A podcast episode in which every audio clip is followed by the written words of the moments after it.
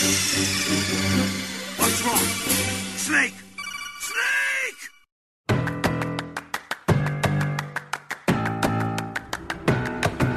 Witamy serdecznie w 36. odcinku podcastu Gorące Krzesła. Ja jestem Krzysiek Saran, a przy mikrofonach w innych częściach miasta, odizolowani od wszystkich dookoła, siedzą e, Kamil Borek Hello! i Rafał Patatyn. Dobry wieczór. I zebraliśmy się tutaj, ponieważ e, chcemy nagrać dla Was nowe Gorące Krzesła. Podcast, który właśnie miał e, krótką przerwę między sezonami, e, w trakcie której oczywiście zagrywaliśmy się w co popadnie. E, znaczy ja, ja, już, ja już skłamałem, szczerze mówiąc, byłem strasznie zapracowany w marcu, ale parę tytułów ograłem. E, w tym odcinku powiemy sobie o naszych ulubionych tytułach, e, z którymi zapoznaliśmy się w ostatnim czasie. Natomiast zanim przejdziemy do tych konkretnych rzeczy, o których mamy dużo do powiedzenia, e, ja chciałem tak na krótko tylko wspomnieć, że e, zanim znalazłem szukałem sobie czegoś, czegoś, co przyciągnie moją uwagę. Szukałem długo i ostatecznie skutecznie, ale po drodze przeżyłem dwie przygody e, z indie, z grami indie i to takimi, takimi mocno indie. To znaczy, to były tytuły w rodzaju Firewatcha i Virginii. I Virginia jest, jest bardzo indie, jest artystycznym indie, jest e, intrygująca.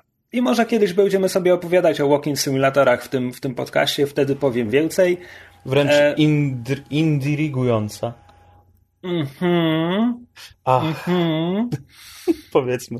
Jest to słowo, które może paść. E, w każdym razie, e, tak. Więc e, w podcaście będę dłużej o tym kiedyś mówił e, w bliżej nieokreślonej przyszłości. Natomiast zapraszam na fanpage Gorących Krzeseł na, na Facebooku, gdzie opisywałem w miarę na bieżąco te, te swoje przygody i wrażenia.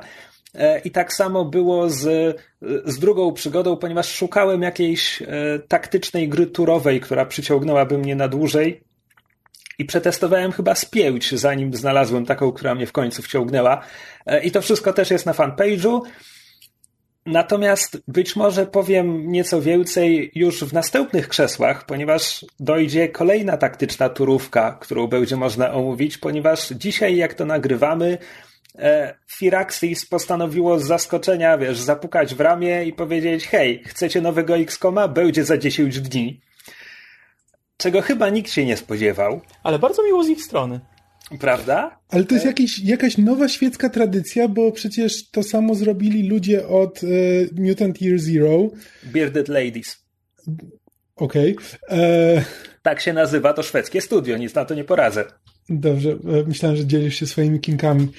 E, ale nie, znaczy, słusznie zauważył e, Piotrek Kuldanek u nas w komentarzach, pan codziennik, że w, cztery dni później jest premiera e, Gears Tactics, czy jakkolwiek się ta gra nazywa, czyli gra taktyczna X-komówka w świecie Gears of War.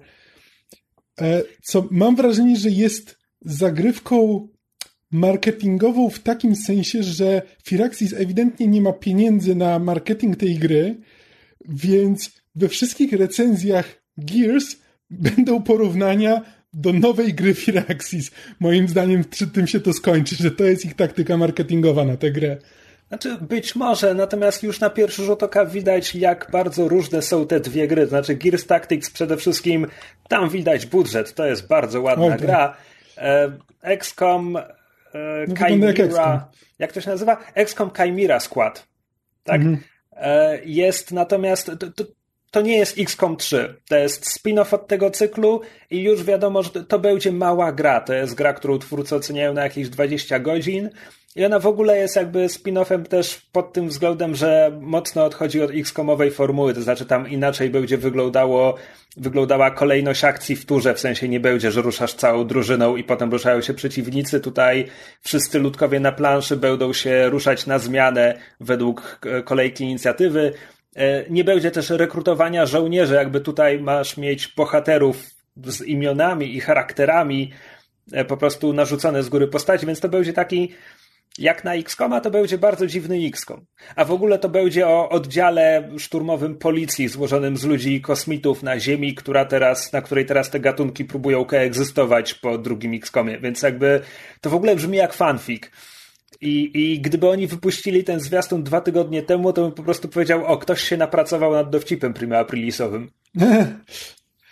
e, znaczy, to, co widziałem z tego trailera, napawa mnie pewnym optymizmem, bo być może się mylę, ale to mi wygląda na e, X-Koma, który skupia się na warstwie taktycznej i odziera tę warstwę strategiczną jakby do, może nie zupełnie, ale do pewnego tam minimum. Jakby wciąż widać, że jest warstwa strategiczna, jest kwestia tego, gdzie wykonujemy misję, no ale to jest bardziej, ale wszystko to wygląda na trochę łatwiejsze do ogarnięcia, bo szczerze mówiąc moim problemem z XCOMem było zawsze to, że wracanie do bazy i jakby ten obowiązek zajmowania się zajmowania się bazą i zastanawiania się, czy, czy jak teraz wydam pieniądze na to, to czy E, kompletnie już przerżnąłem, e, czy się okaże, że za 5 minut to będą te pieniądze, które, których właśnie mi zabrakło, żeby,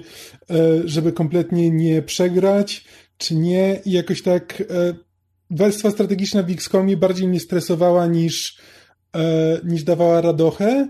No to u mnie odwrotnie trochę. Ja bardzo lubiłem tę te, warstwę e, właśnie rozwoju bazy i, i tak dalej. Będzie mi jej trochę brakowało w, ty, w, tym, w, w tym nowym dodatku.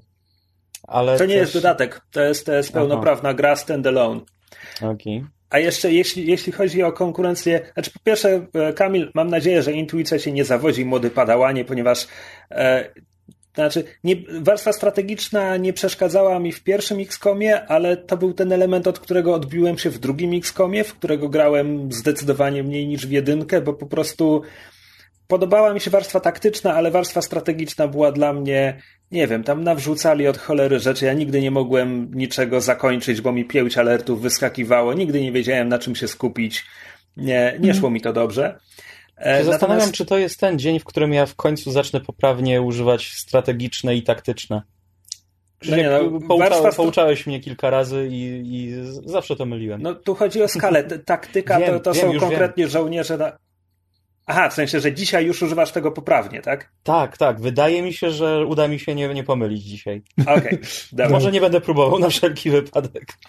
E, w każdym razie kolejne jeśli ta gra ma konkurować, czy może nawet nie tyle konkurować, co w jakiś sposób być organizmem pasożytniczym na, na Gears Tactics, e, to, są, to jest też zupełnie inna skala. W sensie Gears Tactics jest pełnowymiarową premierą gry z budżetem i w ogóle e, ten XCOM będzie, jego domyślna cena to 20 dolarów, ale w trakcie pierwszego tygodnia na Steamie będą to sprzedawać za 10 dolców. Wow. Więc jakby mówimy o dwóch zupełnie różnych produktach, aczkolwiek no. w obu są tury i taktyka. Ale to też świadczy o tym, że twórcy stawiają na e, word of mouth, na słowo mówione jako główną strategię marketingową.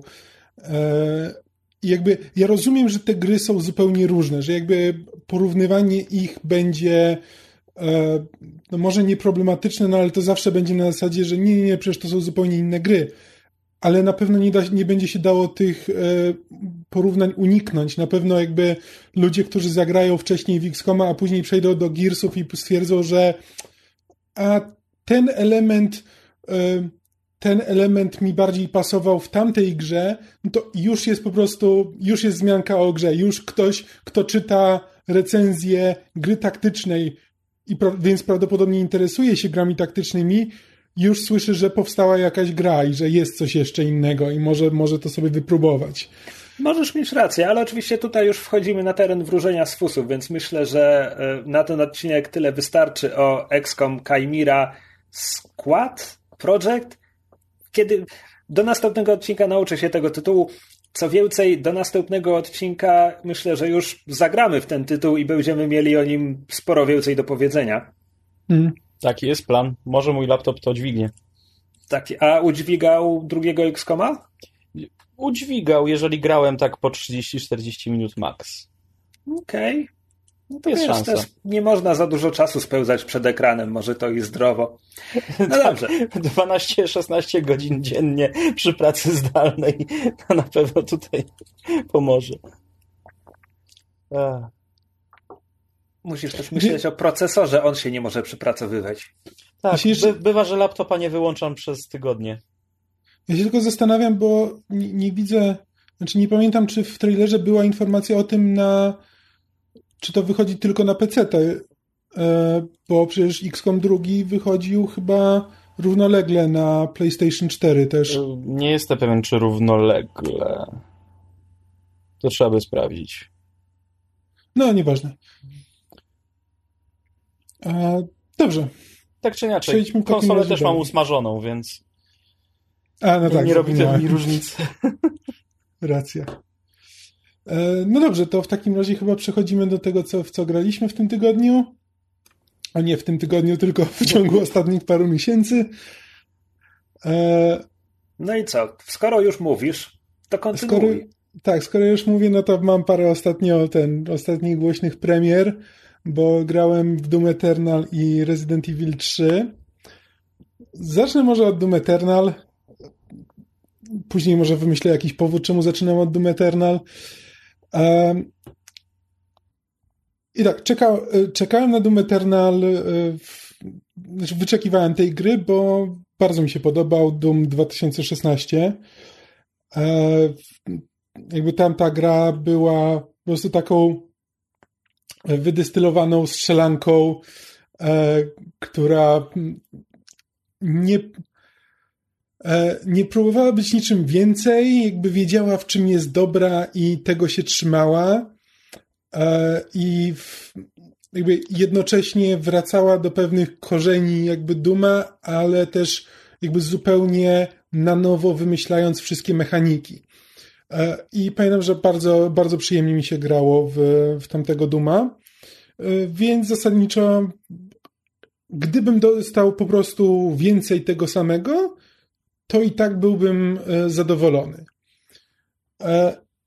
I Doom Eternal jest w takim dziwnym punkcie, że to jest jednocześnie więcej tego samego, ale też parę dodatkowych elementów, i to jest dosłownie parę dodatkowych elementów, bardzo mocno zmieniają e, odbiór tej gry i, i jak się w nią, e, jak się w nią gra. E, przede wszystkim to jest to jest niesamowicie szybka gra i już Doom 2016 był e, był szybką grą, a jednocześnie dawał graczowi momenty, żeby się zastanowić. Znaczy, cały rytm walki był taki, że e, miałeś chwilę na zastanowienie zas- i przechodziłeś, że okej, w tym momencie muszę się zająć tym potworem, zajmujesz się tym potworem i ponieważ jest cała ta cała mechanika, która pozwala ci wykonać tam cios kończący, masz chwilę na zastanowienie się, zajmujesz się kolejnym potworem i kolejnym. E, I po prostu tak przeskakujesz, po prostu masz cały czas, musisz wszystko robić dosyć szybko, ale pomiędzy tymi szybkimi akcjami masz chwilę na zastanowienie się. Tutaj przede wszystkim tych chwil na zastanowienie się jest dużo, dużo mniej. E, I i po prostu cały czas e, gracz jest na skraju śmierci. Bo e, znaczy, zakładając, że gra na jakby poziomie trudności dostosowanym do swoich umiejętności. E, a jakby poziomów trudności jest kilka i można, można je łatwo, e, łatwo do, dobrać do siebie. I jakby wiem, że sporo osób, które jakby są dobre w strzelankach i uważa się za dobre w strzelankach, e, to jakby późniejsze poziomy trudności potrafiły im e, sprawiać pewne komplikacje. E, zasadniczo tak. Doom Eternal wygląda tak, że po pierwsze mamy całą masę fabuły i loru, e, bo twórcy z jakiegoś powodu postanowili, że będą teraz spinać wszystkie historie, które dotychczas wydarzyły się we wszystkich możliwych wersjach Duma, od pierwszego Duma do Duma 64 um, i będą próbować stworzyć, y, spróbują stworzyć zunifikowane uniwersum, w którym jest jakaś odwieczna walka e, człowieka w zielonej zbroi z bandą demonów. Zunifikowaną teorię Duma. Tak, dokładnie. A, to, to, to nie jest nowa rzecz, bo zunifikowana teoria Duma krąży po internecie, że e, można to wszystko połączyć, bo te gry są tam jakoś mają, każda z nich ma jakąś zahaczkę i że tak naprawdę one się wszystkie, wszystkie tak naprawdę miały miejsce. I e, i to jest tak, kiedy, kiedy walczysz kiedy walczysz na arenie, kiedy wchodzisz na arenę i wypada na ciebie kilkadziesiąt różnych demonów e, i kolejne jakby, kolejne fale przybiegają, jakby przede wszystkim w tej grze nigdy się nie zatrzymujesz. Jeśli się zatrzymujesz, to giniesz. Przede wszystkim trzeba cały czas biegać. E, już w poprzednich grach to wyglądało tak, że e, gracz miał polegać zdecydowanie mniej na znajdźkach i na wiesz, różnych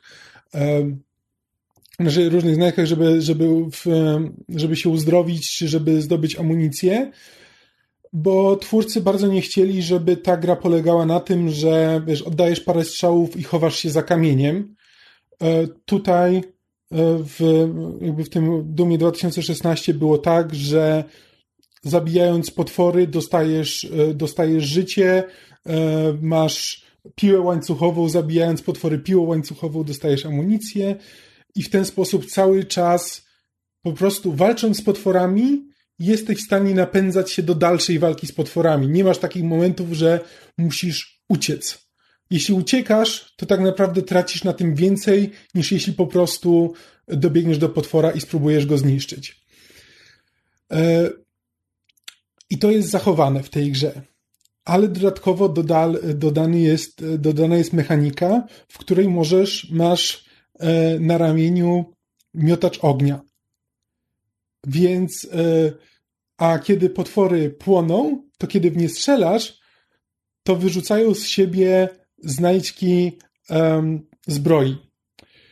Więc wciąż masz tę mechanikę, w której jeśli zabijesz potwora e, jakby ręcznym ciosem, to dostajesz zdrowie. Ale też jeśli go wcześniej podpalisz, to on będzie też wyrzucał z siebie zbroję. E, jeszcze w dodatku masz znowu piłę łańcuchową, ale tym razem e, piła łańcuchowa odnawia się sama z siebie. Nie musisz podnosić amunicji, bo jakby w poprzednim Dumie miałeś ograniczoną amunicję. Miałeś, mogłeś mieć naraz trzy e, trzy pola takiej e, pił łańcuchowej, jakby największe potwory wymagały całych trzech e, tam jednostek paliwa, żeby, e, żeby je zabić. Tutaj masz tak, że ta piła łańcuchowa odnawia się cały czas sama z siebie, więc jakby w ciągu walki możesz z niej korzystać kilkukrotnie i, w, i nie musisz, nawet tutaj nie musisz szukać um, paliwa do niej. Więc po prostu cały czas zyskujesz zdrowie, zyskujesz zbroję, kilkadziesiąt potworów w ciebie nawala, więc po prostu twoje życie w tej grze jakby lata z góry na dół cały czas. E, cały czas jakby jesteś na skraju, co chwila jesteś, już jesteś blisko zera, ale właśnie podniosłeś, ale właśnie zabiłeś potwora, więc, więc zdobyłeś trochę zdrowia. E, I to jest lekko szalone i na początku trudno jest to ogarnąć, bo właśnie tych rzeczy, które musisz, e, które musisz, ja przez pierwszych parę godzin w ogóle zapominałem o tym, że mam ten miotacz ognia i że powinienem podpalać te potwory. E, e, wie, bo po prostu za dużo rzeczy się naraz działo, więc musiałem się do tego przyzwyczaić. Ale jeśli to jest gra, w której co chwila jesteś o włos od śmierci, to już mi strasznie wyczerpująco. Właśnie takie miałem wrażenie, jak e, widziałem zapowiedzi tej gry, Jezus Maria, tam się leci na złamanie karku. Po prostu jest non-stop sprint i, i rzeź. Może I to, to prostu... wydaje się bardzo stresujące. Może to po prostu gra dla młodszych ludzi niż my. No tak, ten świat growy tak, tak szybko biegnie, już nie nadążamy. Znaczy, autentycznie szczerze, e, to brzmi jak gra, która nigdy nie byłaby dla mnie. Nieważne, teraz czy 20 lat temu. Znaczy, ja wiem dokładnie dla kogo jest ta gra, bo gra nie jest subtelna w tym, dla kogo jest, ponieważ tutaj ewidentnie jakby e, ten Doom Guy to ma być gracz. E, jakby dostajesz w grze, e, masz, na, zaczynasz w statku kosmicznym, który jednocześnie jest gotyckim zamkiem, który służy za twoją bazę wypadową. Bazę, w której w, e, w piwnicy masz pokój, w którym masz e, jedną ścianę, na której masz zebrane wszystkie bronie, które, które zdobyłeś do tej pory w grze. Drugą ścianę, na której masz zabawki, które też są znajdźkami w grze, jakby to są zabawki po prostu takie trochę jak funkopopy e, wszystkich potworów, które są w tej grze. Kolejną ścianę, na której masz gitary elektryczne z jakiegoś powodu, które nie są interaktywne, ale po prostu, ale wyglądają cool i mają różne fajne designy.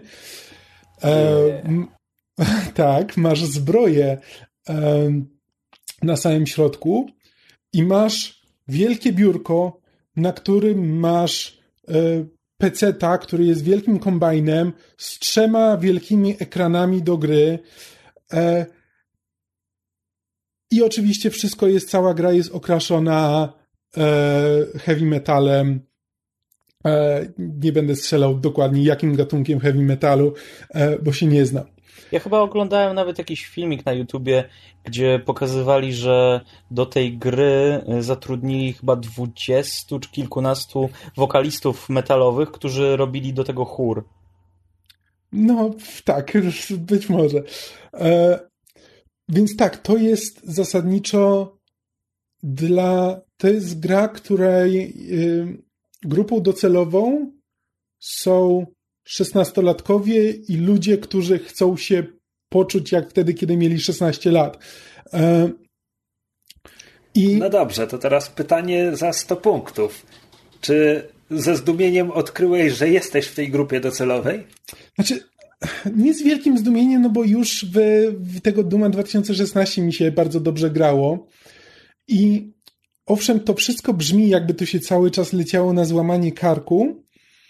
E, ale po pierwsze, no to jakby ja znam swoje umiejętności, nie jestem e, jakby nie jestem wielkim fanem strzelanek, nie jestem e, w nich wyrobiony, więc ja tam sobie grałem na poziomie Hurt Me Plenty, który jest, nie wiem, czymś w rodzaju chyba normal po prostu. E, I wiesz, i są poziomy trudności. Jakby to wszystko, owszem, jakby lecisz na złamanie karku, ale też masz na przykład dodatkowe życia, które zbierasz podczas gry, które po prostu sprawiają, że jak umrzesz, no to natychmiast jakby e, gra ci mówi e, ok, zużyłeś swoje życie i graj sobie dalej. E, jak przejdziesz jak przejdziesz jakąś misję, to możesz do niej wrócić i włączyć sobie cheaty, które masz po prostu włączasz z poziomu menu. I w dodatku gra zupełnie gry zupełnie to nie obchodzi, że grasz z cheatami. Jakby wciąż możesz zdobywać wszystkie znajdźki, możesz jakby e, przechodzić, z, e, po prostu zdobyć wszystko to, co byś zdobył, grając normalnie w, te, e, w tę grę. Więc jakby gra daje tę możliwość takiego po prostu bardzo intensywnego przeżycia, że po prostu cały czas wszystko cię atakuje e, i musisz jakoś przeżyć. Ale jeśli to, to jest dla ciebie za dużo, w każdym momencie możesz zmienić poziom trudności. E, jeśli wciąż umie, jeśli ten poziom trudności zasadniczo ci odpowiada, ale na przykład trafisz na jakiś trudny moment, który z jakiegoś powodu sprawia ci, e, sprawia ci trudności, to gra ci mówi, hej, może chcesz dodatkową zbroję, która sprawi, że będziesz bardziej teraz odporny podczas tej jednej walki, będziesz bardziej odporny na, na obrażenia. Później ci te zbroje zabierzemy i możesz dalej sobie grać na tym samym poziomie trudności, na którym grałeś, ale może ci się teraz w tej, w tej chwili ta zbroja przyda. Jak chcesz, to możesz ją też wyłączyć w menu w dowolnym momencie. Jakby i nie ma tam żadnego, to nie jest też to, co e, robiły stare Wolfensteiny czy stare Dumy, gdzie na zasadzie, jeśli wybierałeś najniższy poziom trudności, to, e, to najniższy poziom trudności miał ikonkę e, BJ Blaskowica ze smoczkiem w, w ustach i gra zupełnie ci nie ocenia za to, że postanowiłeś sobie coś ułatwić. No czyli ewidentnie ta gra jest nastawiona po prostu, żeby jak najwięcej frajdy sprawić. Tak, dokładnie. I to jest jakby i możesz z niej, jeśli po prostu strzelanie do potworów i bycie nieśmiertelnym cię bawi, to możesz w to w ten sposób grać. A jeśli chcesz mieć y, ogromne wyzwanie, y, to też jak najbardziej. Ustaw sobie wszystko na najwyższe poziomy i próbuj się przez to przebić, y, pamiętając o wszystkich mechanikach, które gra, którymi gra w ciebie rzuca. Więc... A jeśli wolałbym porozmawiać z potworami, rozwiązać nasz konflikt w sposób bezkrwawy. Odpal Disco Elysium. Ej, ja chciałem to powiedzieć, tylko dać Krzyśkowi dokończyć zdanie. Bez czelu, Kamilowy. I, ty. I to był twój błąd. That is why you fail. Dobra, wstrzymuję się też z, z, jednym sucharem, ale to poczekam aż skończysz. Na, na to na pewno nie wpadniesz i mnie nie ubiegniesz, więc nie ma mowy. Spodziewaj się czy, suchara czy my, w niedalekiej przyszłości. Czy, czy, my możemy wyłączyć jego mikrofon z, z tej strony połączenia? um, Szedł chyba nie. Ale mogę to zrobić po fakcie. Mogę wyciąć no ten fragment. Ja będę montował. Słuchaj. Nie jeśli ci wyślę pliki już bez tego fragmentu. E, jedno mnie interesuje, bo widziałem kilka recenzji Doom Eternal, które były jakby mniej entuzjastyczne, w sensie miałem wrażenie, że do tej części wrzucono zbyt dużo, niepotrzebnie komplikując e, prostą, ale przyjemną ten pełtle rozrywki, rozgrywki z poprzedniej części. Tak, a z drugiej strony, znaczy właśnie, yy, słuchałem na przykład recenzji w Waypointie yy, i to, co mi się z, yy, rzuciło jakby w uszy, to właśnie to właśnie tam w, w jeden facet opowiadał, że, że właśnie, że za dużo było tych rzeczy, że ciągle o tym nie, nie pamiętał, ale też zwróciłem uwagę na to, że właśnie mówił, że no grał na tym poziomie tam ultra violence, czyli tym wyższym i nie miał zamiaru go obniżać. E, bo jakby, bo on na tym poziomie gra i ten, i nie, nie chce sobie obniżać. I jakby, i to jest właśnie to, o czym mówię, że tak, jeśli sobie ustawisz ten poziom jakby za wysoko, to, to wtedy musisz pamiętać o wszystkich tych rzeczach, które gra w ciebie rzuciła. Ale ja, ponieważ jakby grałem jakby nie próbuję, wiedząc, że nie mam co, co udowadniać, bo po prostu wiem, że nie jestem najlepszy w strzelankach, więc po prostu gram na takim poziomie, na którym jest, czuję się komfortowo. Tak jak mówię, wielokrotnie zapominałem o tym, że mam na przykład ten miotacz ognia i, i tak przechodziłem to wszystko, jakby dawałem, dawałem sobie radę. Jakby po prostu gra ci bardzo dużo wybacza, jeśli ty jesteś w stanie sobie to wybaczyć, że, yy, że teraz po prostu potrzebujesz trochę pomocy gra ci wybacza, jeśli ty jesteś w stanie sobie to wybaczyć. To jest bardzo ładne. Dum jest jak Jezus pod tym względem, tak. no w sumie walczy z szatanem, tak? No tak, nie da się, nie da się ukryć. Te analogie są, analogie są subtelne, ale tam są. No ja pa pamiętam tę przypowieść o tym, jak, jak Jezus był 40 dni na pustyni i tam szatan przychodził i go ciągle nagabywał i tak dalej i w końcu Jezus odpalił piłę łańcuchową i... Tak, tak, nie musisz przypominać, jakby wszyscy byliśmy na tym kazaniu. Czy da, da się w, w, tego Duma grać na split screenie? Nie. Nie, to nie ma tam żadnego multiplayera. Na przykład można nie. by ze, ze, swoją, nie wiem, ukochaną czy z dziewczyną zagrać i wtedy można grać w Dumka na dwa serca.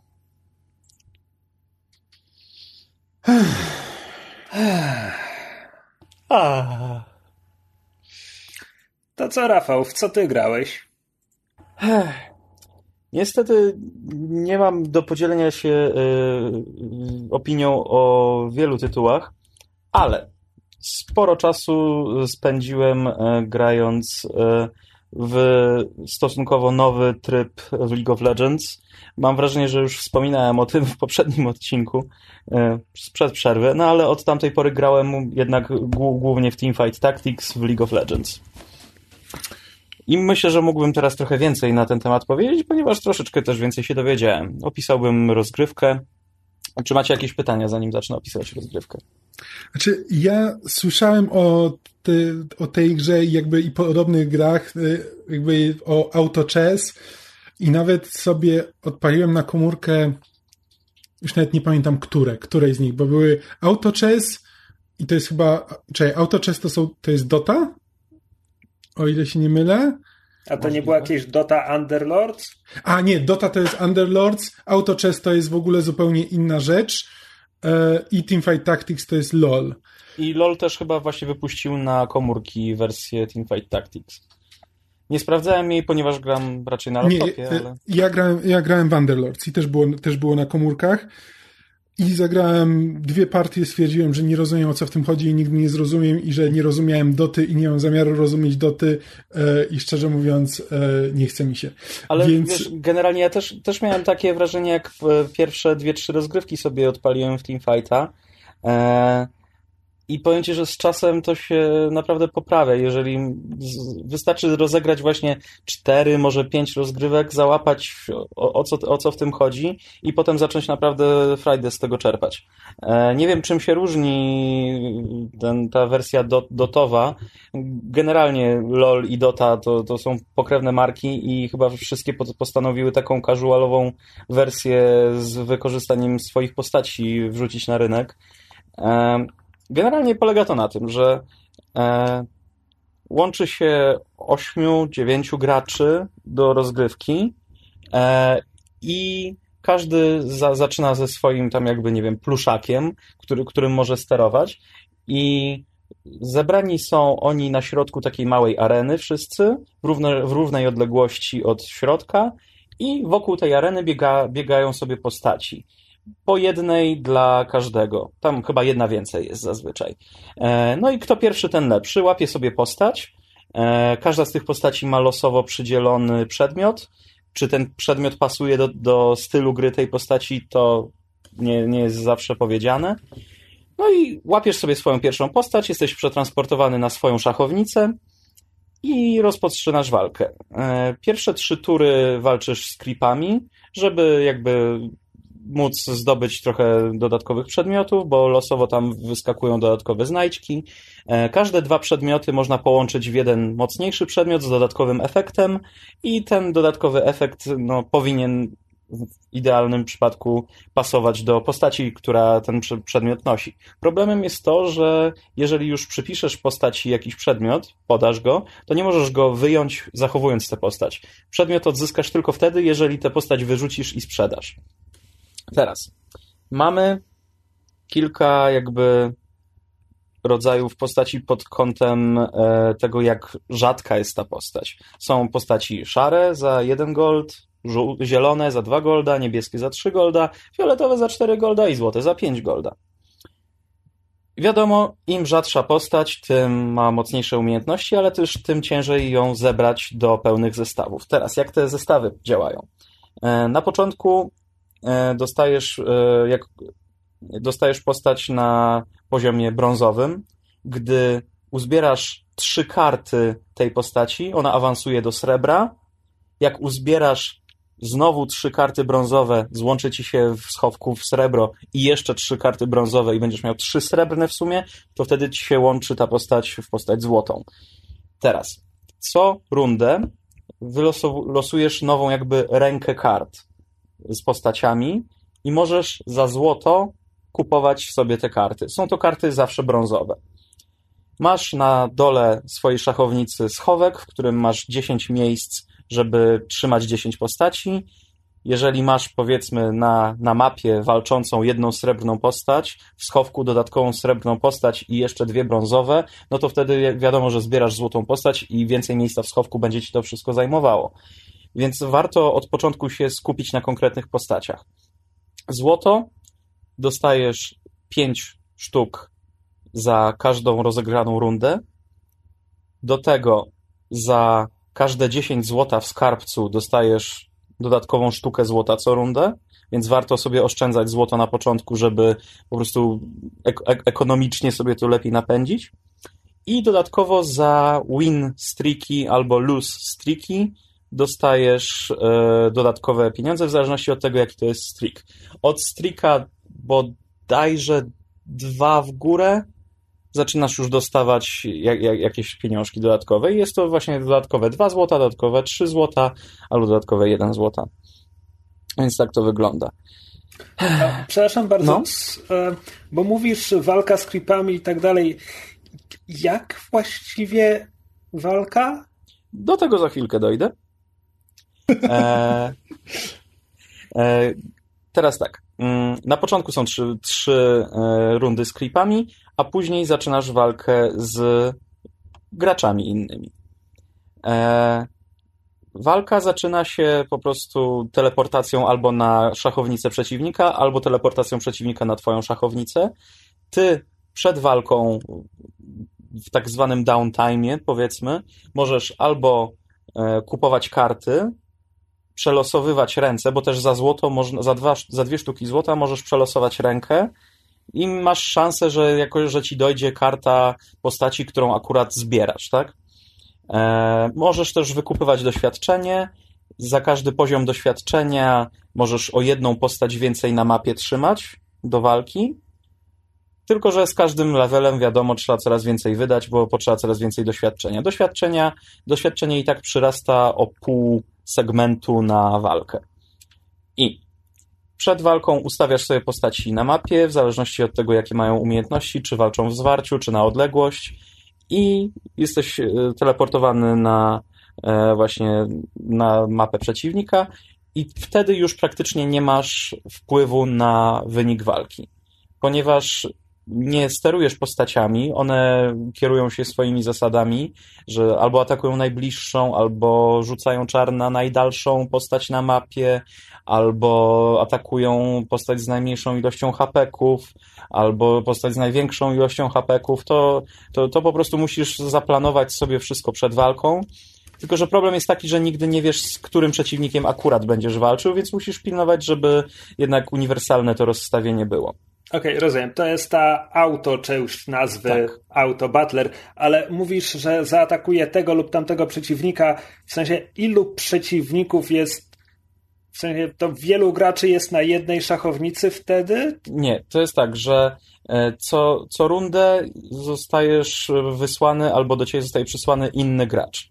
Po prostu nie wiem dokładnie, tam chyba jest jakaś kolejność, że po kolei z każdym walczysz, ale też jest to w zależności później od tego, ilu graczy zostało żywych. Ponieważ każdy gracz, ten twój jakby pluszak, którym sterujesz, tym pluszakiem możesz tam, nie wiem, podbiec do pluszaka przeciwnika, wykonać jakiś taniec, zbierasz też przedmioty, które wypadają z creepów. E, masz 100 hapeków, czasem 125, bo są, tak, są takie czasem niespodzianki, że o, w tej konkretnej rozgrywce gramy ze 100, 125 hapekami, albo o, w tej rozgrywce jako pierwszą postać losujecie sobie spośród postaci fioletowych. Słuchaj, nie będę ukrywał, że podajesz szczegóły w rodzaju 100 albo 120 hapeków, 3 albo 5 monet. Ja nie mam pojęcia, jak ta gra wygląda. Nie potrafię sobie wyobrazić tego w głowie. Wyobraź sobie Heroesy, gdzie ustawiasz sobie armię na początku, mając w głowie to, jak działają dani żołnierze i potem rozgrywa się autowalka. Ale ustawiasz armię, czy wysyłasz jednego Ustawiasz pojed, po, pojedyncze. Mówiłem, w zależności od tego, który masz level, na mapie możesz mieć konkretną ilość postaci. Okej. Czyli możesz mieć generalnie Już dochodzi. chyba Jeżeli, załapałem. jeżeli, No jeżeli tak, ale ty grałeś walki w do- jakiegoś autobutlera. Jeżeli podczas walki, podczas rozgrywki dojdziesz do ósmego poziomu, to wtedy masz na, map, na mapie osiem postaci. Więc możesz już je jakoś ustawić, na przykład trzech brawlerów na froncie, za nimi jak, jakiś mag i trzech snajperów z tyłu. Okej, kiedy już masz tam czwarty, ósmy poziom, masz kilku gości. W momencie, w którym mówisz mi, że masz już kilku gości, to widzę, jak tam można zacząć coś planować. Mhm. Ale jak na początku masz tylko jednego gościa, to Już ci mówię, jakie to ma znaczenie, ponieważ nie, nie wspomniałem jeszcze o jednej bardzo ważnej rzeczy w tej grze. Postaci mają swoje określniki, tak jakby.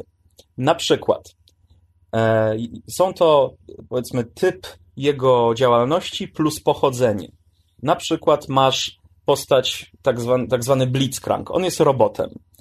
I on będzie miał e, e, swój określnik jakby tego, co robi Brawler i pochodzenie chrono, bo ak akurat w tym momencie mamy jakby motyw przewodni przyszłość, space battles, e, przesuwanie czasu, zaawansowana technologia. Jeżeli uzbierasz sobie dwie postaci na mapie, które mają pochodzenie chrono, to wtedy dostają bonus. Tak samo, jeżeli będziesz miał dwóch brawlerów, to też dostaną bonus. Brawlerzy dostają bonus do HP. Jeżeli masz dwóch brawlerów na froncie, to e, za połączenie ich jakby określników, wszyscy brawlerzy dostają bonus. Tak samo, chrono, co 4 sekundy wszystkie postaci twoje na mapie dostają bonus do prędkości ataku, który się później stakuje.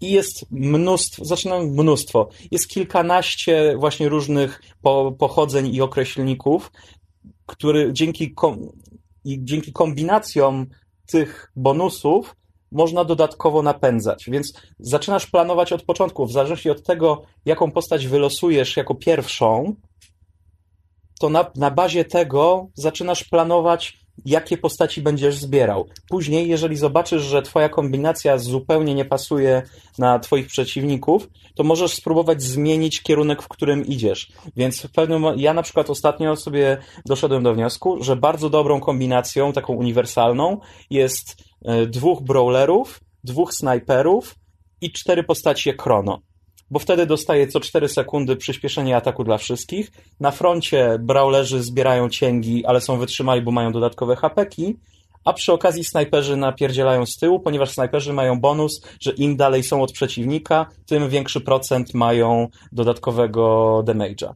A jeszcze do tego sobie dorzucę pochodzenie Darkstar w trzech postaciach, i wtedy za każdą postać Darkstar, która ginie, pozostałe postaci Dark, Darkstar dostają bonus do ataku, i, do obrażeń i do hapeków.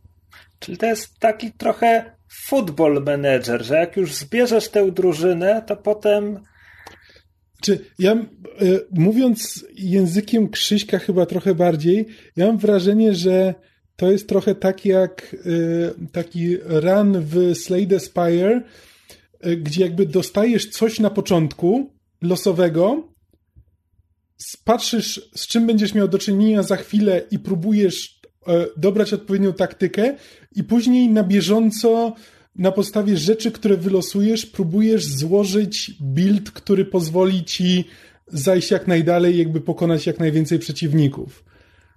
Tak. Zgodziłbym się mniej więcej z tą interpretacją. Okej. Okay. Bo też w trakcie można, można, wiesz, dopasowywać się do przeciwnika. Nigdy nie zapomnę, jak pokonywałem, zostało nas dwóch, było mano a mano. Pokonywałem go trzy walki z rzędu i w finałowej walce koleś wrzucił sobie na tył e, swojej drużyny dodatkowego brązowego blitzcranka, który miał umiejętność, że wyciąga z za linii przeciwnika do siebie najdal, najdalej wystawioną postać. I on w ten sposób pozbawił mnie mojego najsilniejszego snajpera, w którego władowałem wszystkie najfajniejsze przedmioty i w ten sposób ostatecznie mnie pokonał. Mimo, że łoiłem mu dubsko trzy walki z rzędu, on wrzucając jedną malutką postać i pamiętając, gdzie stoi mój snajper, po prostu rozbroił mnie i wykończył. Czyli on zaadaptował się do twojej taktyki, a ty po prostu ślepo wmaszerowałeś w jego pułapkę. Dokładnie. Od tamtej pory mój snajper co walkę zmienia pozycję. Hmm. Oglądałem, oglądałem wroga u bram, to, to ma sens. Więc no, polecam tę grę. Ostatnio właśnie e, zmienili jakby wszystkie postaci, że pamiętam jak, jak ta gra po raz pierwszy się pokazała, to był pewien zestaw postaci z danym motywem przewodnim, jakby te postaci, te wszystkie postaci to są, e, to są bohaterowie, których znamy z Lola. Także i ich umiejętności.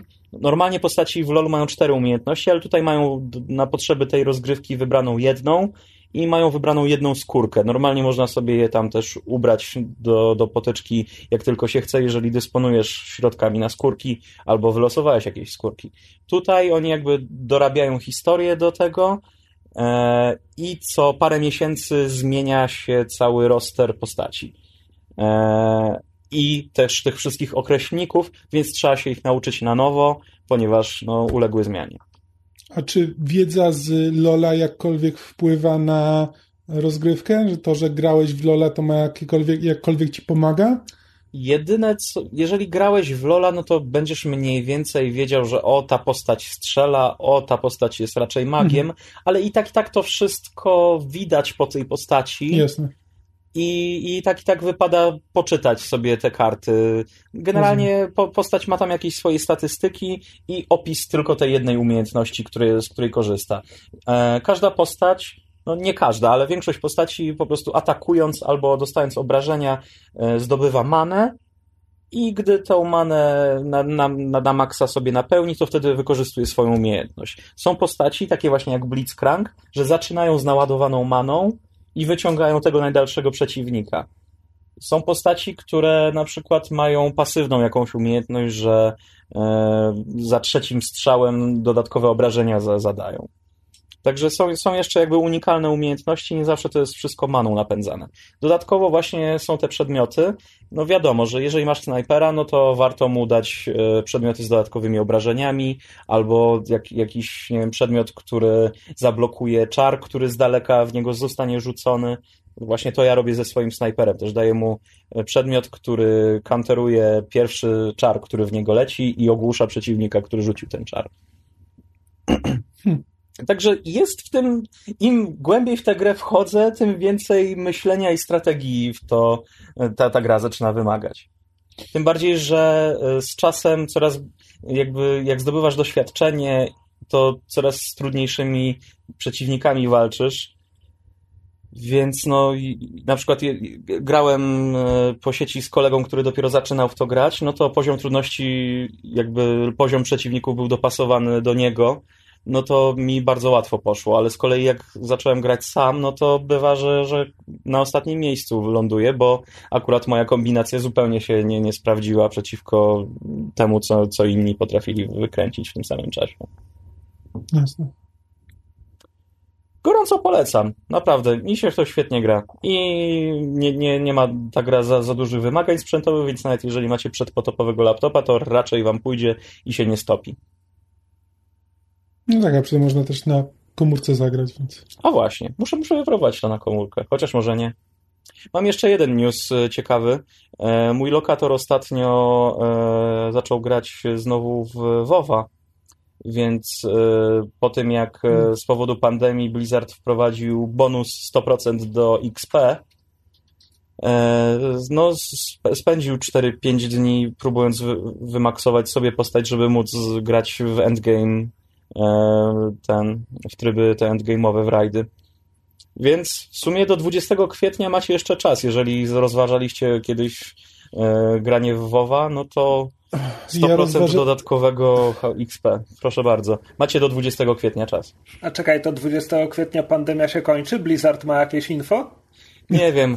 Nie wiem, nie wiem czemu 20 kwietnia akurat wybrali, ale no do, do tego, czy chyba, bo to chyba zaczęło się 20 marca, że przez miesiąc y, dają dodatkowe 100% HP dla wszystkich. Ja robiłem chyba trzy podejścia, żeby się wciągnąć w WoWa i e, nie wypaliło to zupełnie, więc e, ja czwartego chyba nie będę robił. Kiedyś się wkręciłem chwilowo w, e, w Kotora, Kotor Online. Nie, nie Kotor Online, przepraszam. E, Neverwinter Nights. Neverwinter Nights Online.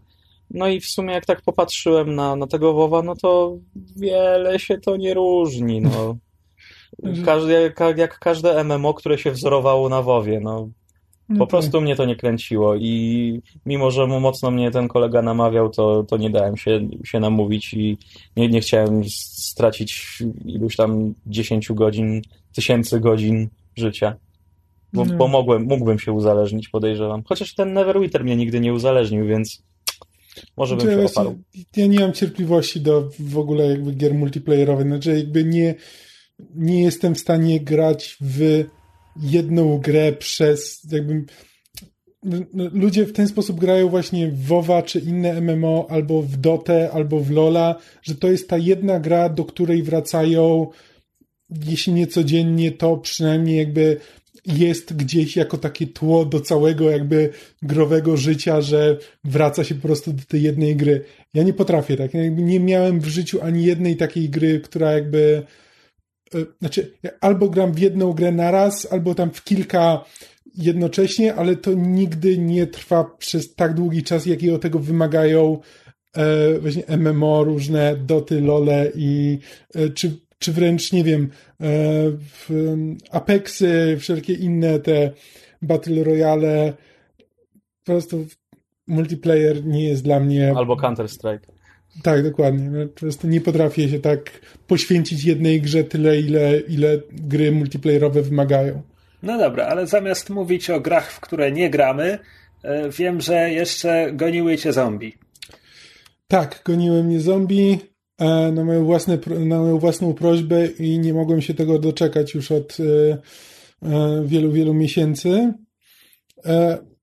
Ponieważ jakby wspominałem w tym podcaście, ja w ciągu w ostatnich tam, nie pamiętam, dwóch lat czy czegoś takiego, stałem się ogromnym fanem E, serii Resident Evil. Znaczy, mówię serii, ale tak naprawdę to dotyczy gier od czwórki w górę, e, wliczając w to e, teraz remake'i. No i właśnie ostatnio wyszedł remake Resident Evil 3, na który mocno wyczekiwałem, bo, bo Resident Evil 2 było jedną z najlepszych gier zeszłego roku, jednym z najlepszych survival horrorów, w jakie grałem. I ta gra zrobiła bardzo wiele rzeczy świetnie, które zazwyczaj jakby zrobienie jednej z nich sprawia, że już tak w daną grę jestem w stanie grać bardzo długo.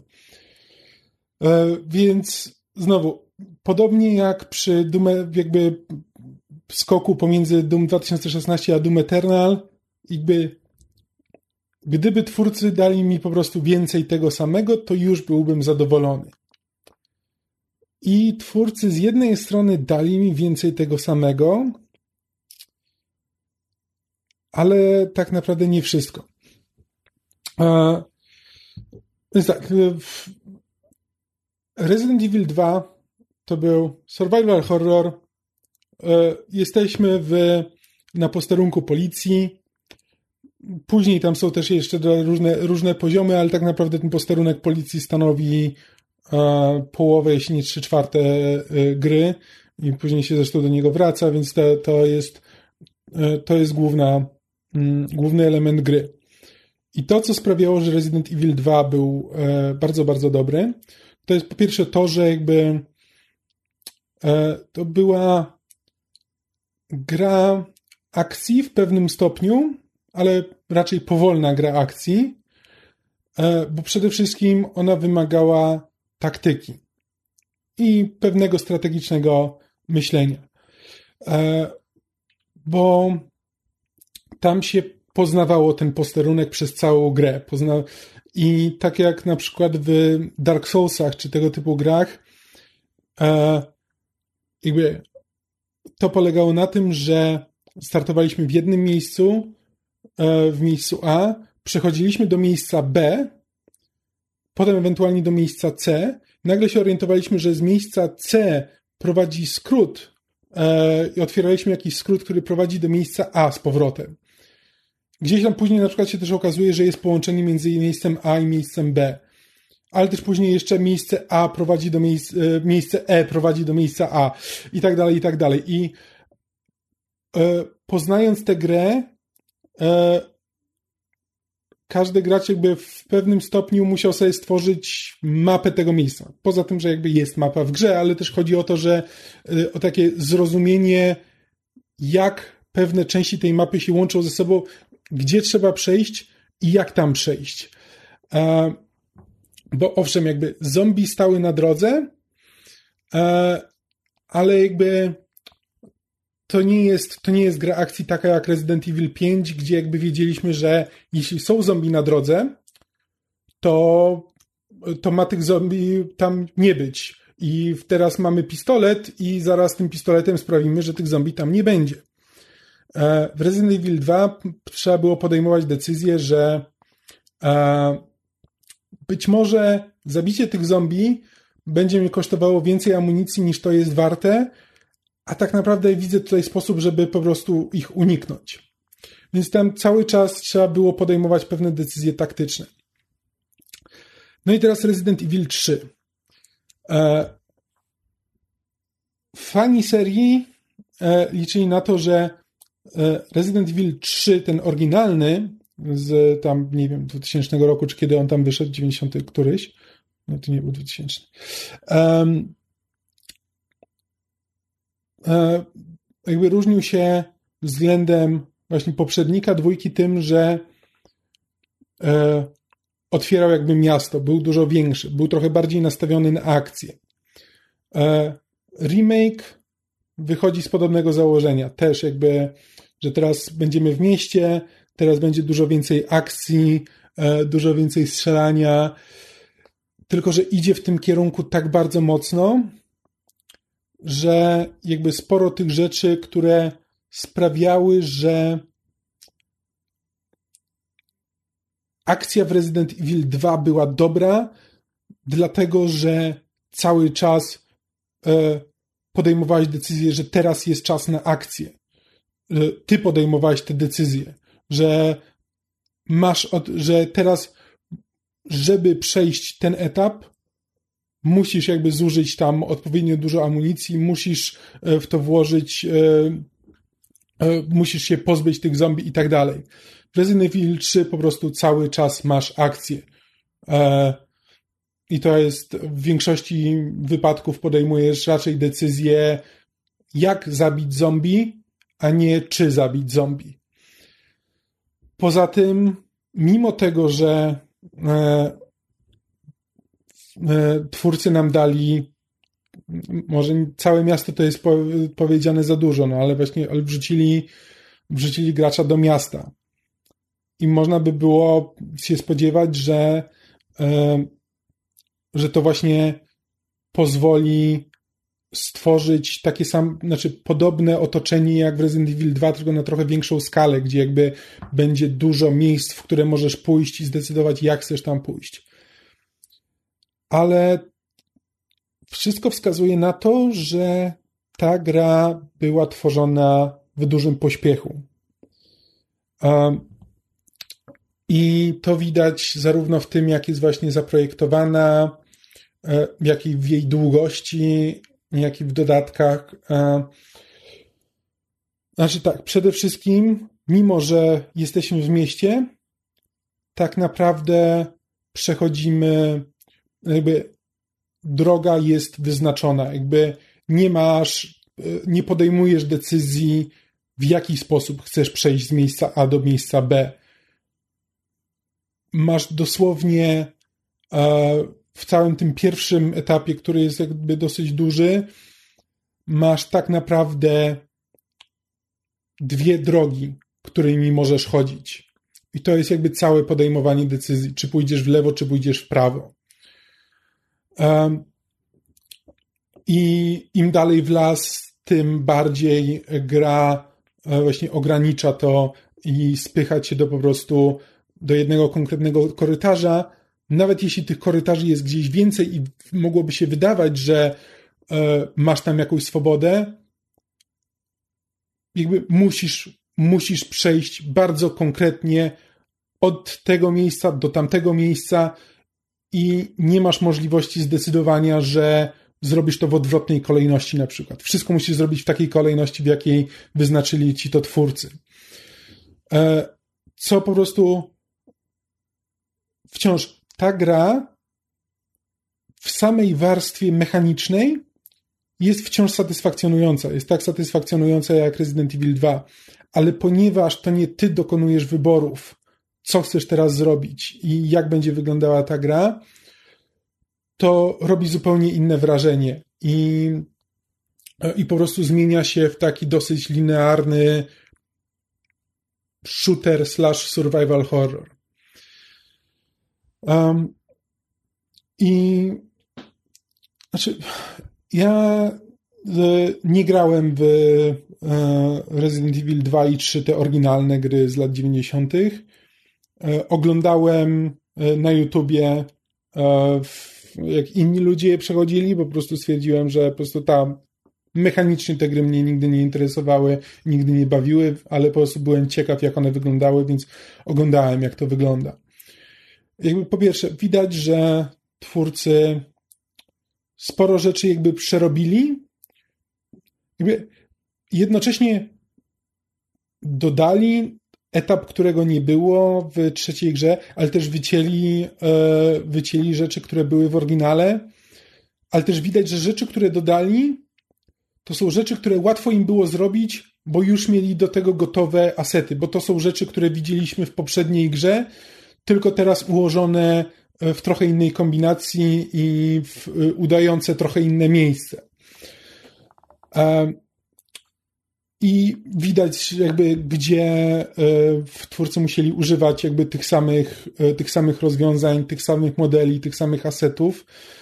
I jakby ja nie jestem tym typem człowieka, który mówił, że o, leniwi, leniwi deweloperzy nie stworzyli nowych, bo jakby rozumiem, jakby bardzo fajnie. Jeśli mogą wykorzystać e, rzeczy, które już raz zrobili, e, to świetnie. Niech je wykorzystają, bo wtedy mogą, jeśli je zremiksują odpowiednio, to, e, to mało mnie obchodzi, że to wygląda podobnie do czegoś, ale, ale może doświadczenie będzie inne.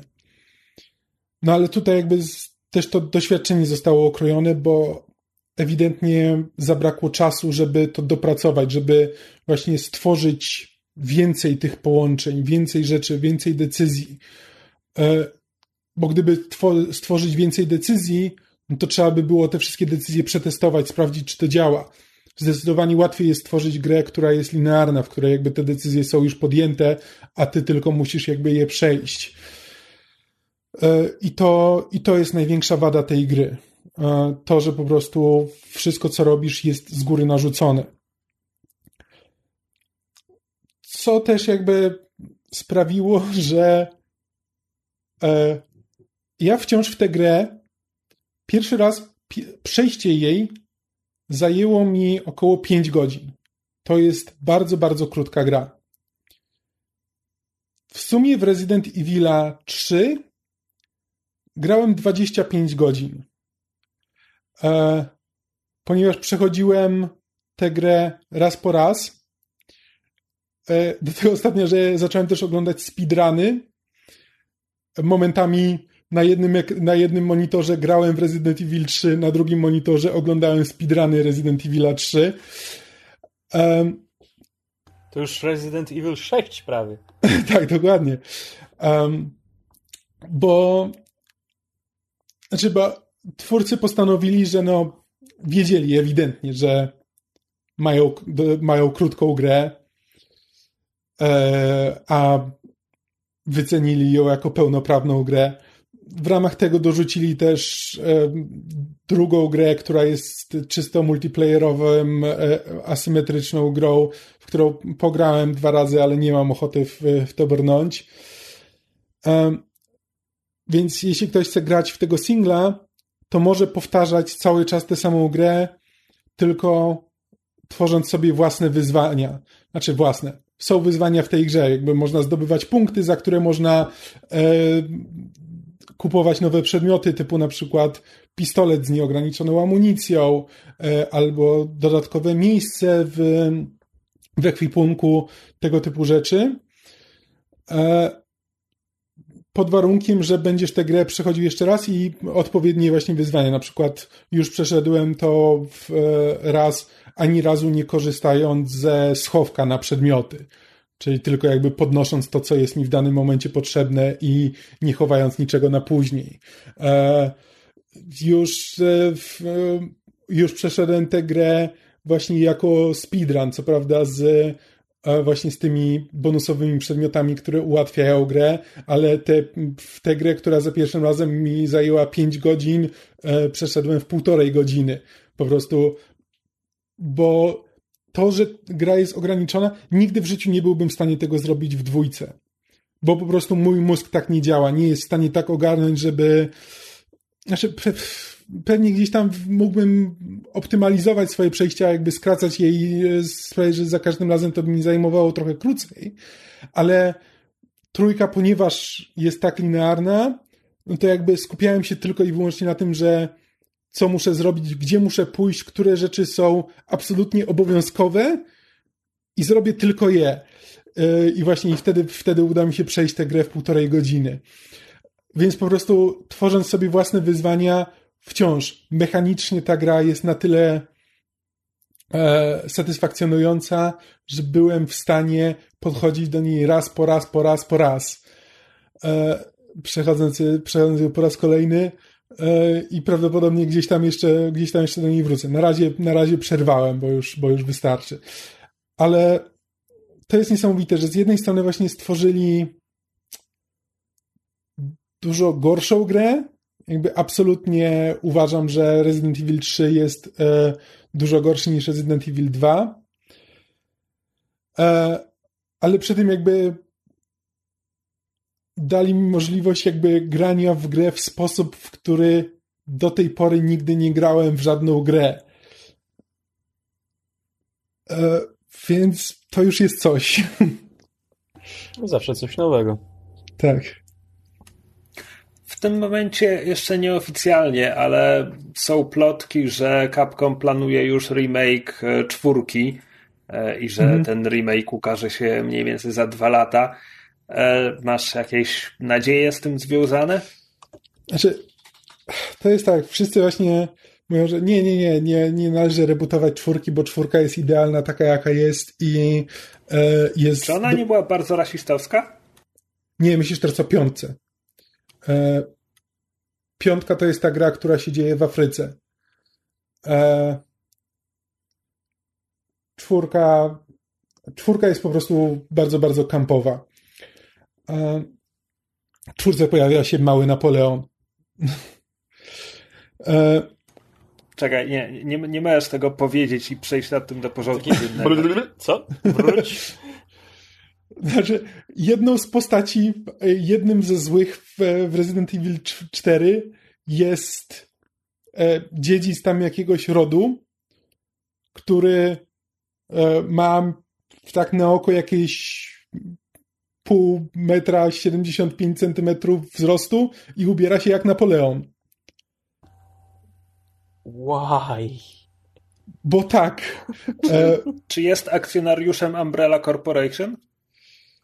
Wiesz co, e, kompletnie w tym momencie już nie pamiętam o co chodziło. Tam te, te, te, ten lore przy czwórce to już się robił strasznie, strasznie dziwny, więc e, nie, nie, pamiętam już dokładnie o co chodziło, ale tam są, tam są naj, najróżniejsze rzeczy się dzieją. Bo to jest po prostu jakby czwórka odeszła jakby od takiego horroru, horroru bardziej w stronę właśnie takiego kampu w rodzaju jakby różnica pomiędzy Resident Evil 2, 3 a 4 jest taka jak pomiędzy Evil Dead 1 a Evil Dead 2 e, albo wręcz Evil Dead 3, gdzie po prostu tam, gdzie ktoś e, na początku próbował bardzo szczerze stworzyć horror w grze, potem jakby z tego horroru zostało już tylko jakby mm, tylko jakby estetyka horroru, ale fabuła wzięta z filmów klasy B to była pełna, e, to była czysta gra akcji, tylko z tymi elementami survivalowymi, czyli jakby z zarządzaniem zasobami. E, ale to, to, była, to była świetna gra, która jakby dużo, która po prostu miała bardzo dobry flow i, i, i wszystko było dopracowane, znaczy do, do, dopięte na ostatni guzik, jakby w, związku z czym teraz ludzie mówią, że nie, bo nie należy tego remakeować, bo jeśli zmienisz tutaj jedną rzecz, to natychmiast to powoduje efekt motyla, że cała masa rzeczy, które były dostosowane specjalnie pod tę jedną rzecz, natychmiast e, te znaczenie jakby wciąż Resident Evil 4 istnieje, można go bardzo łatwo dostać, e, jest na Steamie, nie jest to żaden abandonware ani nic takiego, więc jeśli spróbują zrobić remake, no to znowu, tak jak przy Resident Evil 3, nawet jeśli to będzie gorsza gra, być może będzie się dało w nią zagrać w sposób jakby z, zupełnie inny. A jeszcze po drodze będzie Resident Evil 8, e, który też jest czymś zupełnie innym. Jakby Resident Evil 7 a Resident Evil 2 to e, jakby remake dwójki to są dwie absolutnie zupełnie różne gry. e, gdzie jakby ta główna seria właśnie wróciła do korzeni, jest, y, jest grami horrorowymi e, przede wszystkim, a, a właśnie a te remake'i są bardziej grami akcji e, z elementami survivalu. Więc jakby ja chcę, żeby ci twórcy robili z tymi grami jak najwięcej i szukali jakby nowych rzeczy, które można z nimi zrobić. Więc to, że to będzie remake gry, która ja też uważam, że czwórka jest znaczy, no, być może obok dwójki jest, jest jedną z najlepszych jakby części tego, tego, tego cyklu. E, bardzo lubię tę grę i wracam do niej czasami. E, ale chętnie bym zobaczył, co można na jej podstawie jeszcze innego zrobić, nawet jeśli to będzie coś gorszego. To brzmiało jak profesjonalna recenzja, Kamil. Okej, okay, dziękuję. E, przyjmę to jako komplement, ale to, że jesteś tak zdziwiony, um, kuje trochę. Tak miało to tylko zabrzmieć. No dobrze. Krzysiek, twoja profesjonalna recenzja? Moja profesjonalna recenzja, proszę bardzo. Ja zapoznałem się z grą, którą miałem na liście do ogrania E, na szczęście tylko rok z małym okładem, bo to pozycja z 2018 roku, pod tytułem Return of the Obra Dinn, powrót Obradina, Obradin to statek. E, I to jest gra Lukasa Poupa, który wybił się na Papers, Please.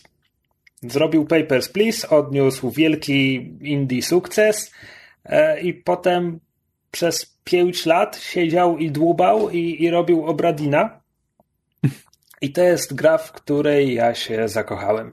Jest niesamowita, chociaż e, przy pierwszym kontakcie trochę się bałem, czy mi oczy nie wypłyną, ponieważ to jest gra w, z perspektywą pierwszej osoby, e, która jest zrobiona e, w stylu graficznym mającym naśladowywać jedne z najstarszych gier, takie sprzed 40 lat.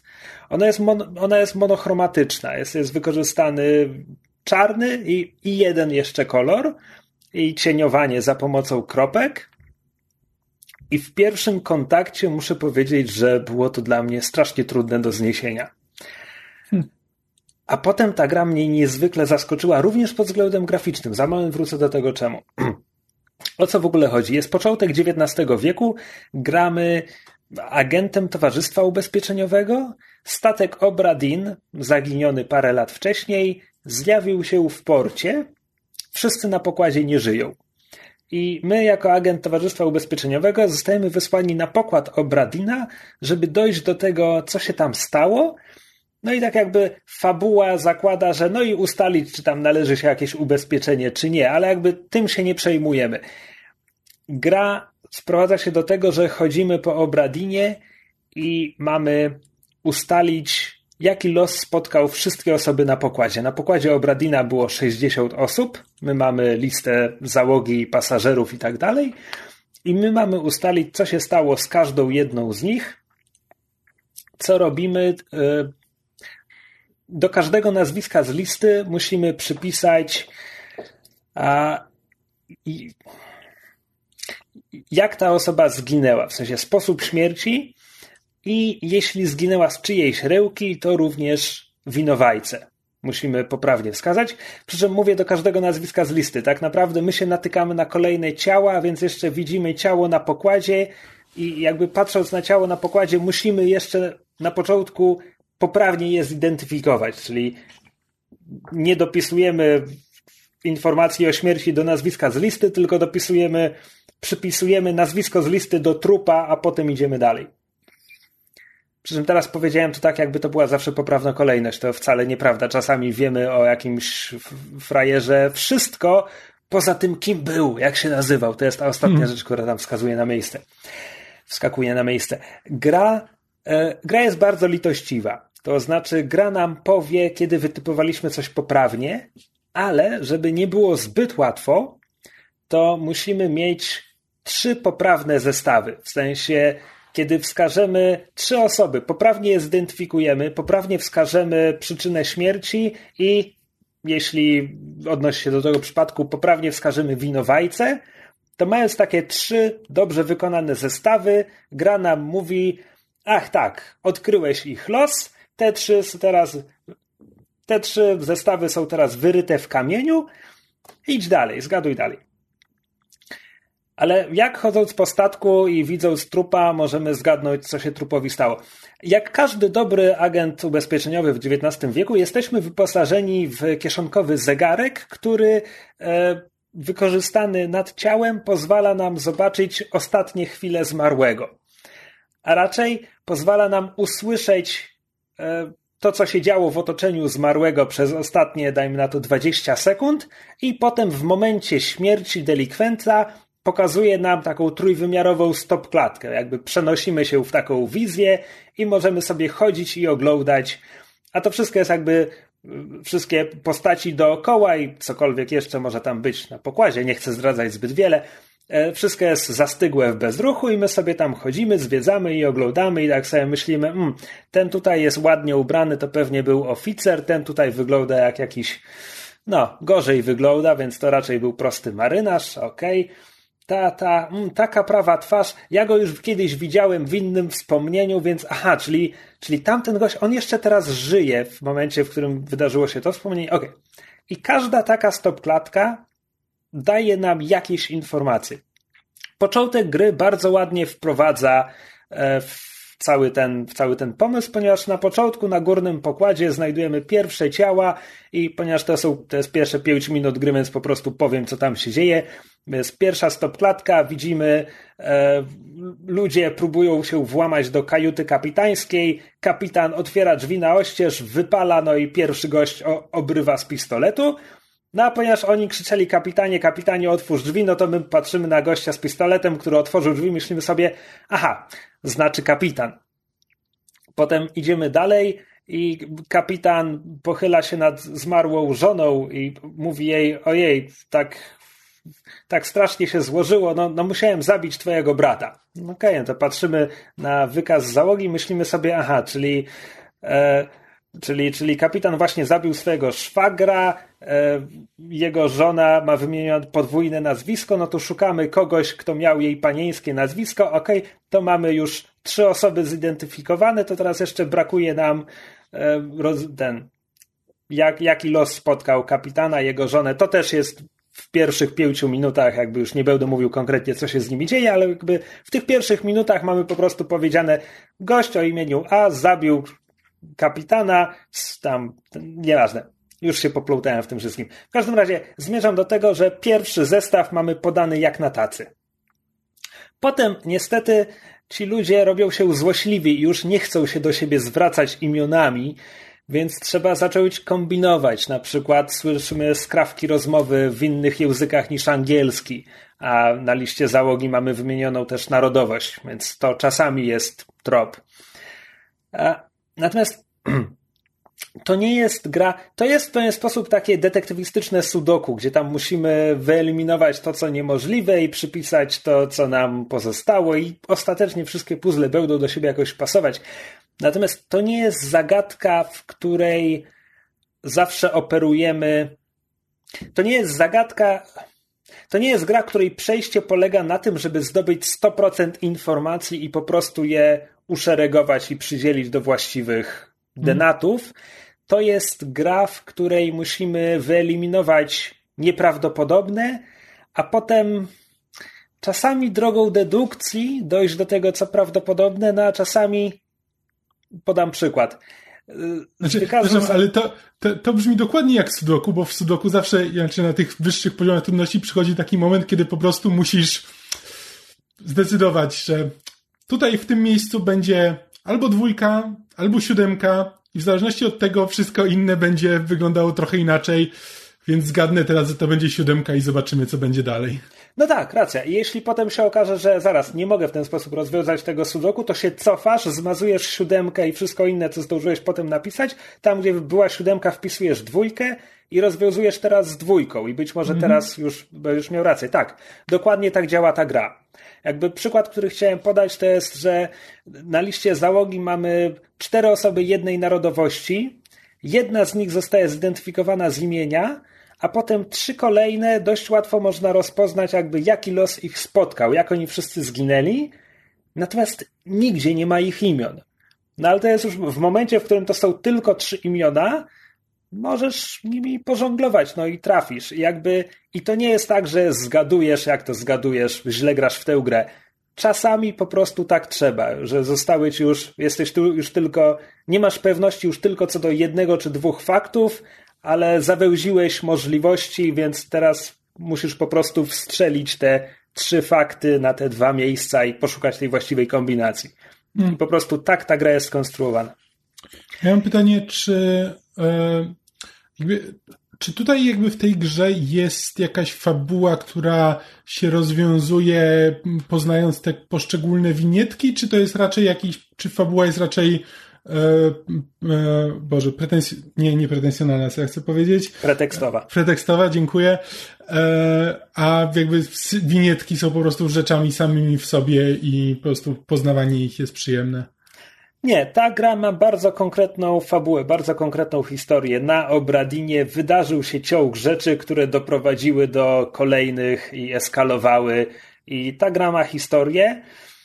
E, przeszedłszy całość, mm, wydaje mi się, że to wciąż nie jest pełna historia, że tam wciąż są jakieś jakby rozdziały, gdzie nie jesteśmy ostatecznie pewni, co właściwie się wydarzyło pomiędzy nimi, ale ogólny kształt historii jest jasny, wyrazisty i wiemy, jaki ciąg przyczynowo-skutkowy doprowadził do tego, że ostatecznie statek jakby zdryfował do portu i na pokładzie nie było nikogo żywego. To się wszystko wyjaśnia i jest to niebywale satysfakcjonujące. To znaczy, ja grałem w różne gry, które były o detektywach. Przygodówki o detektywach, czy jakkolwiek jakikolwiek gatunek chcemy przypisać do LA Noir na przykład. Mm. Obra Dinn jest pierwszą grą, przy której czułem się jak detektyw, bo różnica polega na tym, że w grach o detektywach no to ten detektyw prowadzi sobie śledztwo, ale jakby to się trochę sprowadza do tego, że podniesiesz wszystko z otoczenia i detektyw powie, a już wiem. Ewentualnie czasem trzeba połączyć dwa przedmioty i, i wtedy detektyw mówi, a już wiem a tutaj po prostu zbierasz informacje i sam musisz sobie, sam musisz je połączyć w logiczny ciąg. Ok, tu jest przekłamanie, bo jeszcze, jeszcze Hair Story jest grą, przy której trochę się czułem jak detektyw. Chociaż Hair Story bardziej wykładało historię ostatecznie, tylko trzeba było sobie poukładać, żeby była mniej więcej w kolejności od początku do końca.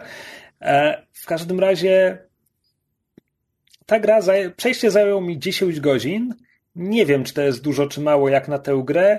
Miałem momenty, gdy się zacinałem. To, to była gra, do której ja siadałem na wiele razy i czasami, jeśli w trakcie, po pierwszych, dajmy na to, 3-4 godzinach gry, jeśli siadałem do tej gry i w trakcie jednego posiedzenia przy grze odkrywałem los kolejnych trzech, może nawet kolejnych sześciu osób, to było dobre posiedzenie. To było satysfakcjonujące. Jakby coś zrobiłem, mogłem potem wyłączyć grę i, i wrócić do niej następnego dnia. Ostatecznie już byłem przekonany, że się zaciąłem. E, ostatecznie jedyne, co sprawdziłem w internecie, to grać na początku mówi, że rozwiązanie wszystkich losów nie jest możliwe na pokładzie Obradina, że w pewnym momencie opuścisz pokład i tam potem w epilogu jeszcze odkryjesz coś. Jedyne, co ostatecznie sprawdziłem w internecie, to czy gra wyraźnie mówi, kiedy nadchodzi ten moment, kiedy masz opuścić statek, bo nie byłem pewien, już się tak błąkałem i miałem takie, brakuje mi trzech albo czterech losów, czy, czy ja już powinienem wrócić? Hmm. Więc sprawdziłem sobie w internecie, że nie, gra wyraźnie mówi, kiedy jest ten moment, więc jeszcze się tam pobłąkałem. Po prostu ostatni, os, ostatnia ofiara, e, przed zejściem z pokładu zajęła mi tak dużo czasu tylko po to, żebym na końcu odkrył, że moja pierwsza teoria, którą miałem 6 godzin wcześniej, była poprawna, tylko że ja potem sam się jakby przekonałem, namówiłem się, że nie, nie, jednak coś innego go spotkało i potem wszystkie inne teorie, wszystkie inne układy testowałem do tej drugiej mm. błędnej ale po prostu godzinę się błąkałem, żeby w końcu wpaść na, że nie, zaraz, miałem rację od samego początku. Jestem idiotą. Przenikliwym, błyskotliwym, ale idiotą. Jesteś takim geniuszem, że aż idiotą. Prawda? Tak, więc ostatnie co chcę powiedzieć o tej grze to wrócić do grafiki, bo moment, gdy pierwszy raz widzimy wspomnienie i stopklatkę zrobił na mnie bardzo duże wrażenie, bo kiedy zwiedzamy sobie tylko pusty statek, to ta grafika jest strasznie biedna. Natomiast te stopklatki, tam nie ma ruchu, tak? To jest, to jest to są proste modele 3D, te postaci nie są jakieś szczególnie szczegółowe, ale w momencie, gdy poruszamy się po takiej stopklatce, to zawsze jest, one zawsze dotyczą czyjejś śmierci, to zawsze jest jakiś wybuch przemocy zastygły w bezruchu i my sobie chodzimy i oglądamy go z każdej strony. I to robi niesamowite wrażenie, zwłaszcza gdy na samym początku gry wyjaśnisz śmierć kiedy wyjaśniasz śmierć trzeciej albo czwartej osoby, gra nagle odkrywa ci pierwsze karty, gdzie zaczyna się od tego, że no tak, na pokładzie doszło do buntu, no bo włamywali się do kajuty kapitana i w ogóle. A potem kolejna stopklatka, która e, pokazuje ci coś, co wydarzyło się jakiś czas wcześniej. Na tym etapie jeszcze nie wiemy dokładnie ile wcześniej. I masz stopklatkę, gdzie ja po prostu trochę mi szczęłka opadła, bo, bo nagle gra odkrywa jak dużo różnych rzeczy wydarzyło się na pokładzie Obradina i eskalacja od tego prologu do, do tego, co tam się naprawdę wydarzyło, jest niesamowita. Jeden z moich ulubionych momentów w grach mm. komputerowych. Nie chcę mówić, co to jest. Bardzo mi się spodobało. I to jest, jest Obradin. To nie jest droga gra. Dość regularnie pojawia się na jakichś przecenach. E, mimo Pomimo tego powiedziałbym, że jest warta każdej ceny. Jeśli cokolwiek z tego, co powiedziałem, za, zaciekawiło Was, to warto, żebyście spróbowali tej gry, jeśli, jeśli tak jak ja dotąd tego nie zrobiliście, czy tak jak ja trzy miesiące temu. A, bo autentycznie w tym momencie to jest jedna z moich ulubionych gier kiedykolwiek. Taki no. mocny, mocny top ten. Kurczę, Bardzo dobra pozycja. ostatnimi czasy mocno producenci trafiają w twoje gusta. Najpierw Disco Elysium, teraz teraz Return of Obradin. Tak, ja miałem, miałem wrzutkę na fanpage na ten temat, że jakby w ciągu ostatnich dwóch czy, czy trzech lat było sporo takich gier, które mi się strasznie podobały, a jakby się ugnąć pamięcią, nie wiem, 5-6 lat wcześniej, to byłoby ich jeszcze z 5 razy więcej. Gry są dobre. To myślę, że to jest dobra myśl, z którą możemy powoli zmierzać do końca. Myśl, myślę, że to może być nawet tytuł naszego odcinka. Są dobre. Tak, to właśnie po taką, po taką e, wnikliwą analizę słuchacze tutaj przychodzą. Tak, tak. Dużo więcej od nas nie usłyszą. Gry są dobre i je lubimy. O. No. Gry są dobre, dobrze, że są gry. Dobra, słuchajcie, e, to co, to chyba przyszła pora, żebyśmy pożegnali się z naszymi słuchaczami na prawdopodobnie dwa tygodnie. Prawdopodobnie krzesła będziemy teraz wypluwać co dwa tygodnie przez przynajmniej jakiś czas. To pewnie nie będzie długi sezon, ten sezon krzeseł. Nie mówimy, ile nagramy odcinków, na tyle, na ile starczy nam weny, a potem zrobimy sobie przerwę. E, tymczasem, jeśli będzie Wam brakowało naszych głosów, no to jest 35 poprzednich odcinków tego podcastu. Polecamy, jeśli na przykład to są, to są Wasze pierwsze krzesła. Hej, e, czasami mamy nowych słuchaczy, to się zdarza. E, a jeśli przesłuchaliście już wszystkie krzesła, no to polecamy inne nasze podcasty popkulturowego Myszmasza, czy improwizowane słuchowisko na podstawie gry w RPG, jakim są sesje na podsłuchu, e, które są chyba naszym ulubionym podcastem. Krzesła Gdzie też są super, wspólne jakby, historie, prawdziwe postaci i Dobre hasła, ale w innej kolejności. Tam tworzymy fikcyjne światy, prawdziwe postaci i wspólne historie. Okej. Okay. To nasz jedyny podcast z taglinem. To chyba mówi, ile pracy w niego wkładamy. E, tak, i mamy jeszcze e, Kosmicznych Kowbojów, w którym rozmawiamy o różnych serialach o kosmicznych kowbojach, znaczy serialach science fiction inspirowanych westernami. Mówię serialach w liczbie mnogiej. Mamy sezon o Firefly i sezon o Mandalorianinie. To są te seriale. Poza tym, e, jeśli chcecie się z nami skontaktować, to zostawiajcie nam komentarze na fanpage'u albo pod tym odcinkiem, jeśli wysłuchaliście go na przykład na YouTubie. E, możecie nam też pisać maile na adres krzesła małpa podsłuchane.pl albo, nie wiem, szukać nas na, na mediach społecznościowych. Nie wiem, ja jestem na Twitterze pod adkrzycer na przykład. Zapraszam. A... Ja jestem pod adkamborek. O właśnie. Rafał? Ja jestem pod ad Rpatatyn? Rpatatyn. Ale ja, ja, ja, nie jestem bardzo aktywny na Twitterze, ale zapraszam. No właśnie. Można głównie, głównie podaję dalej wasze tweety.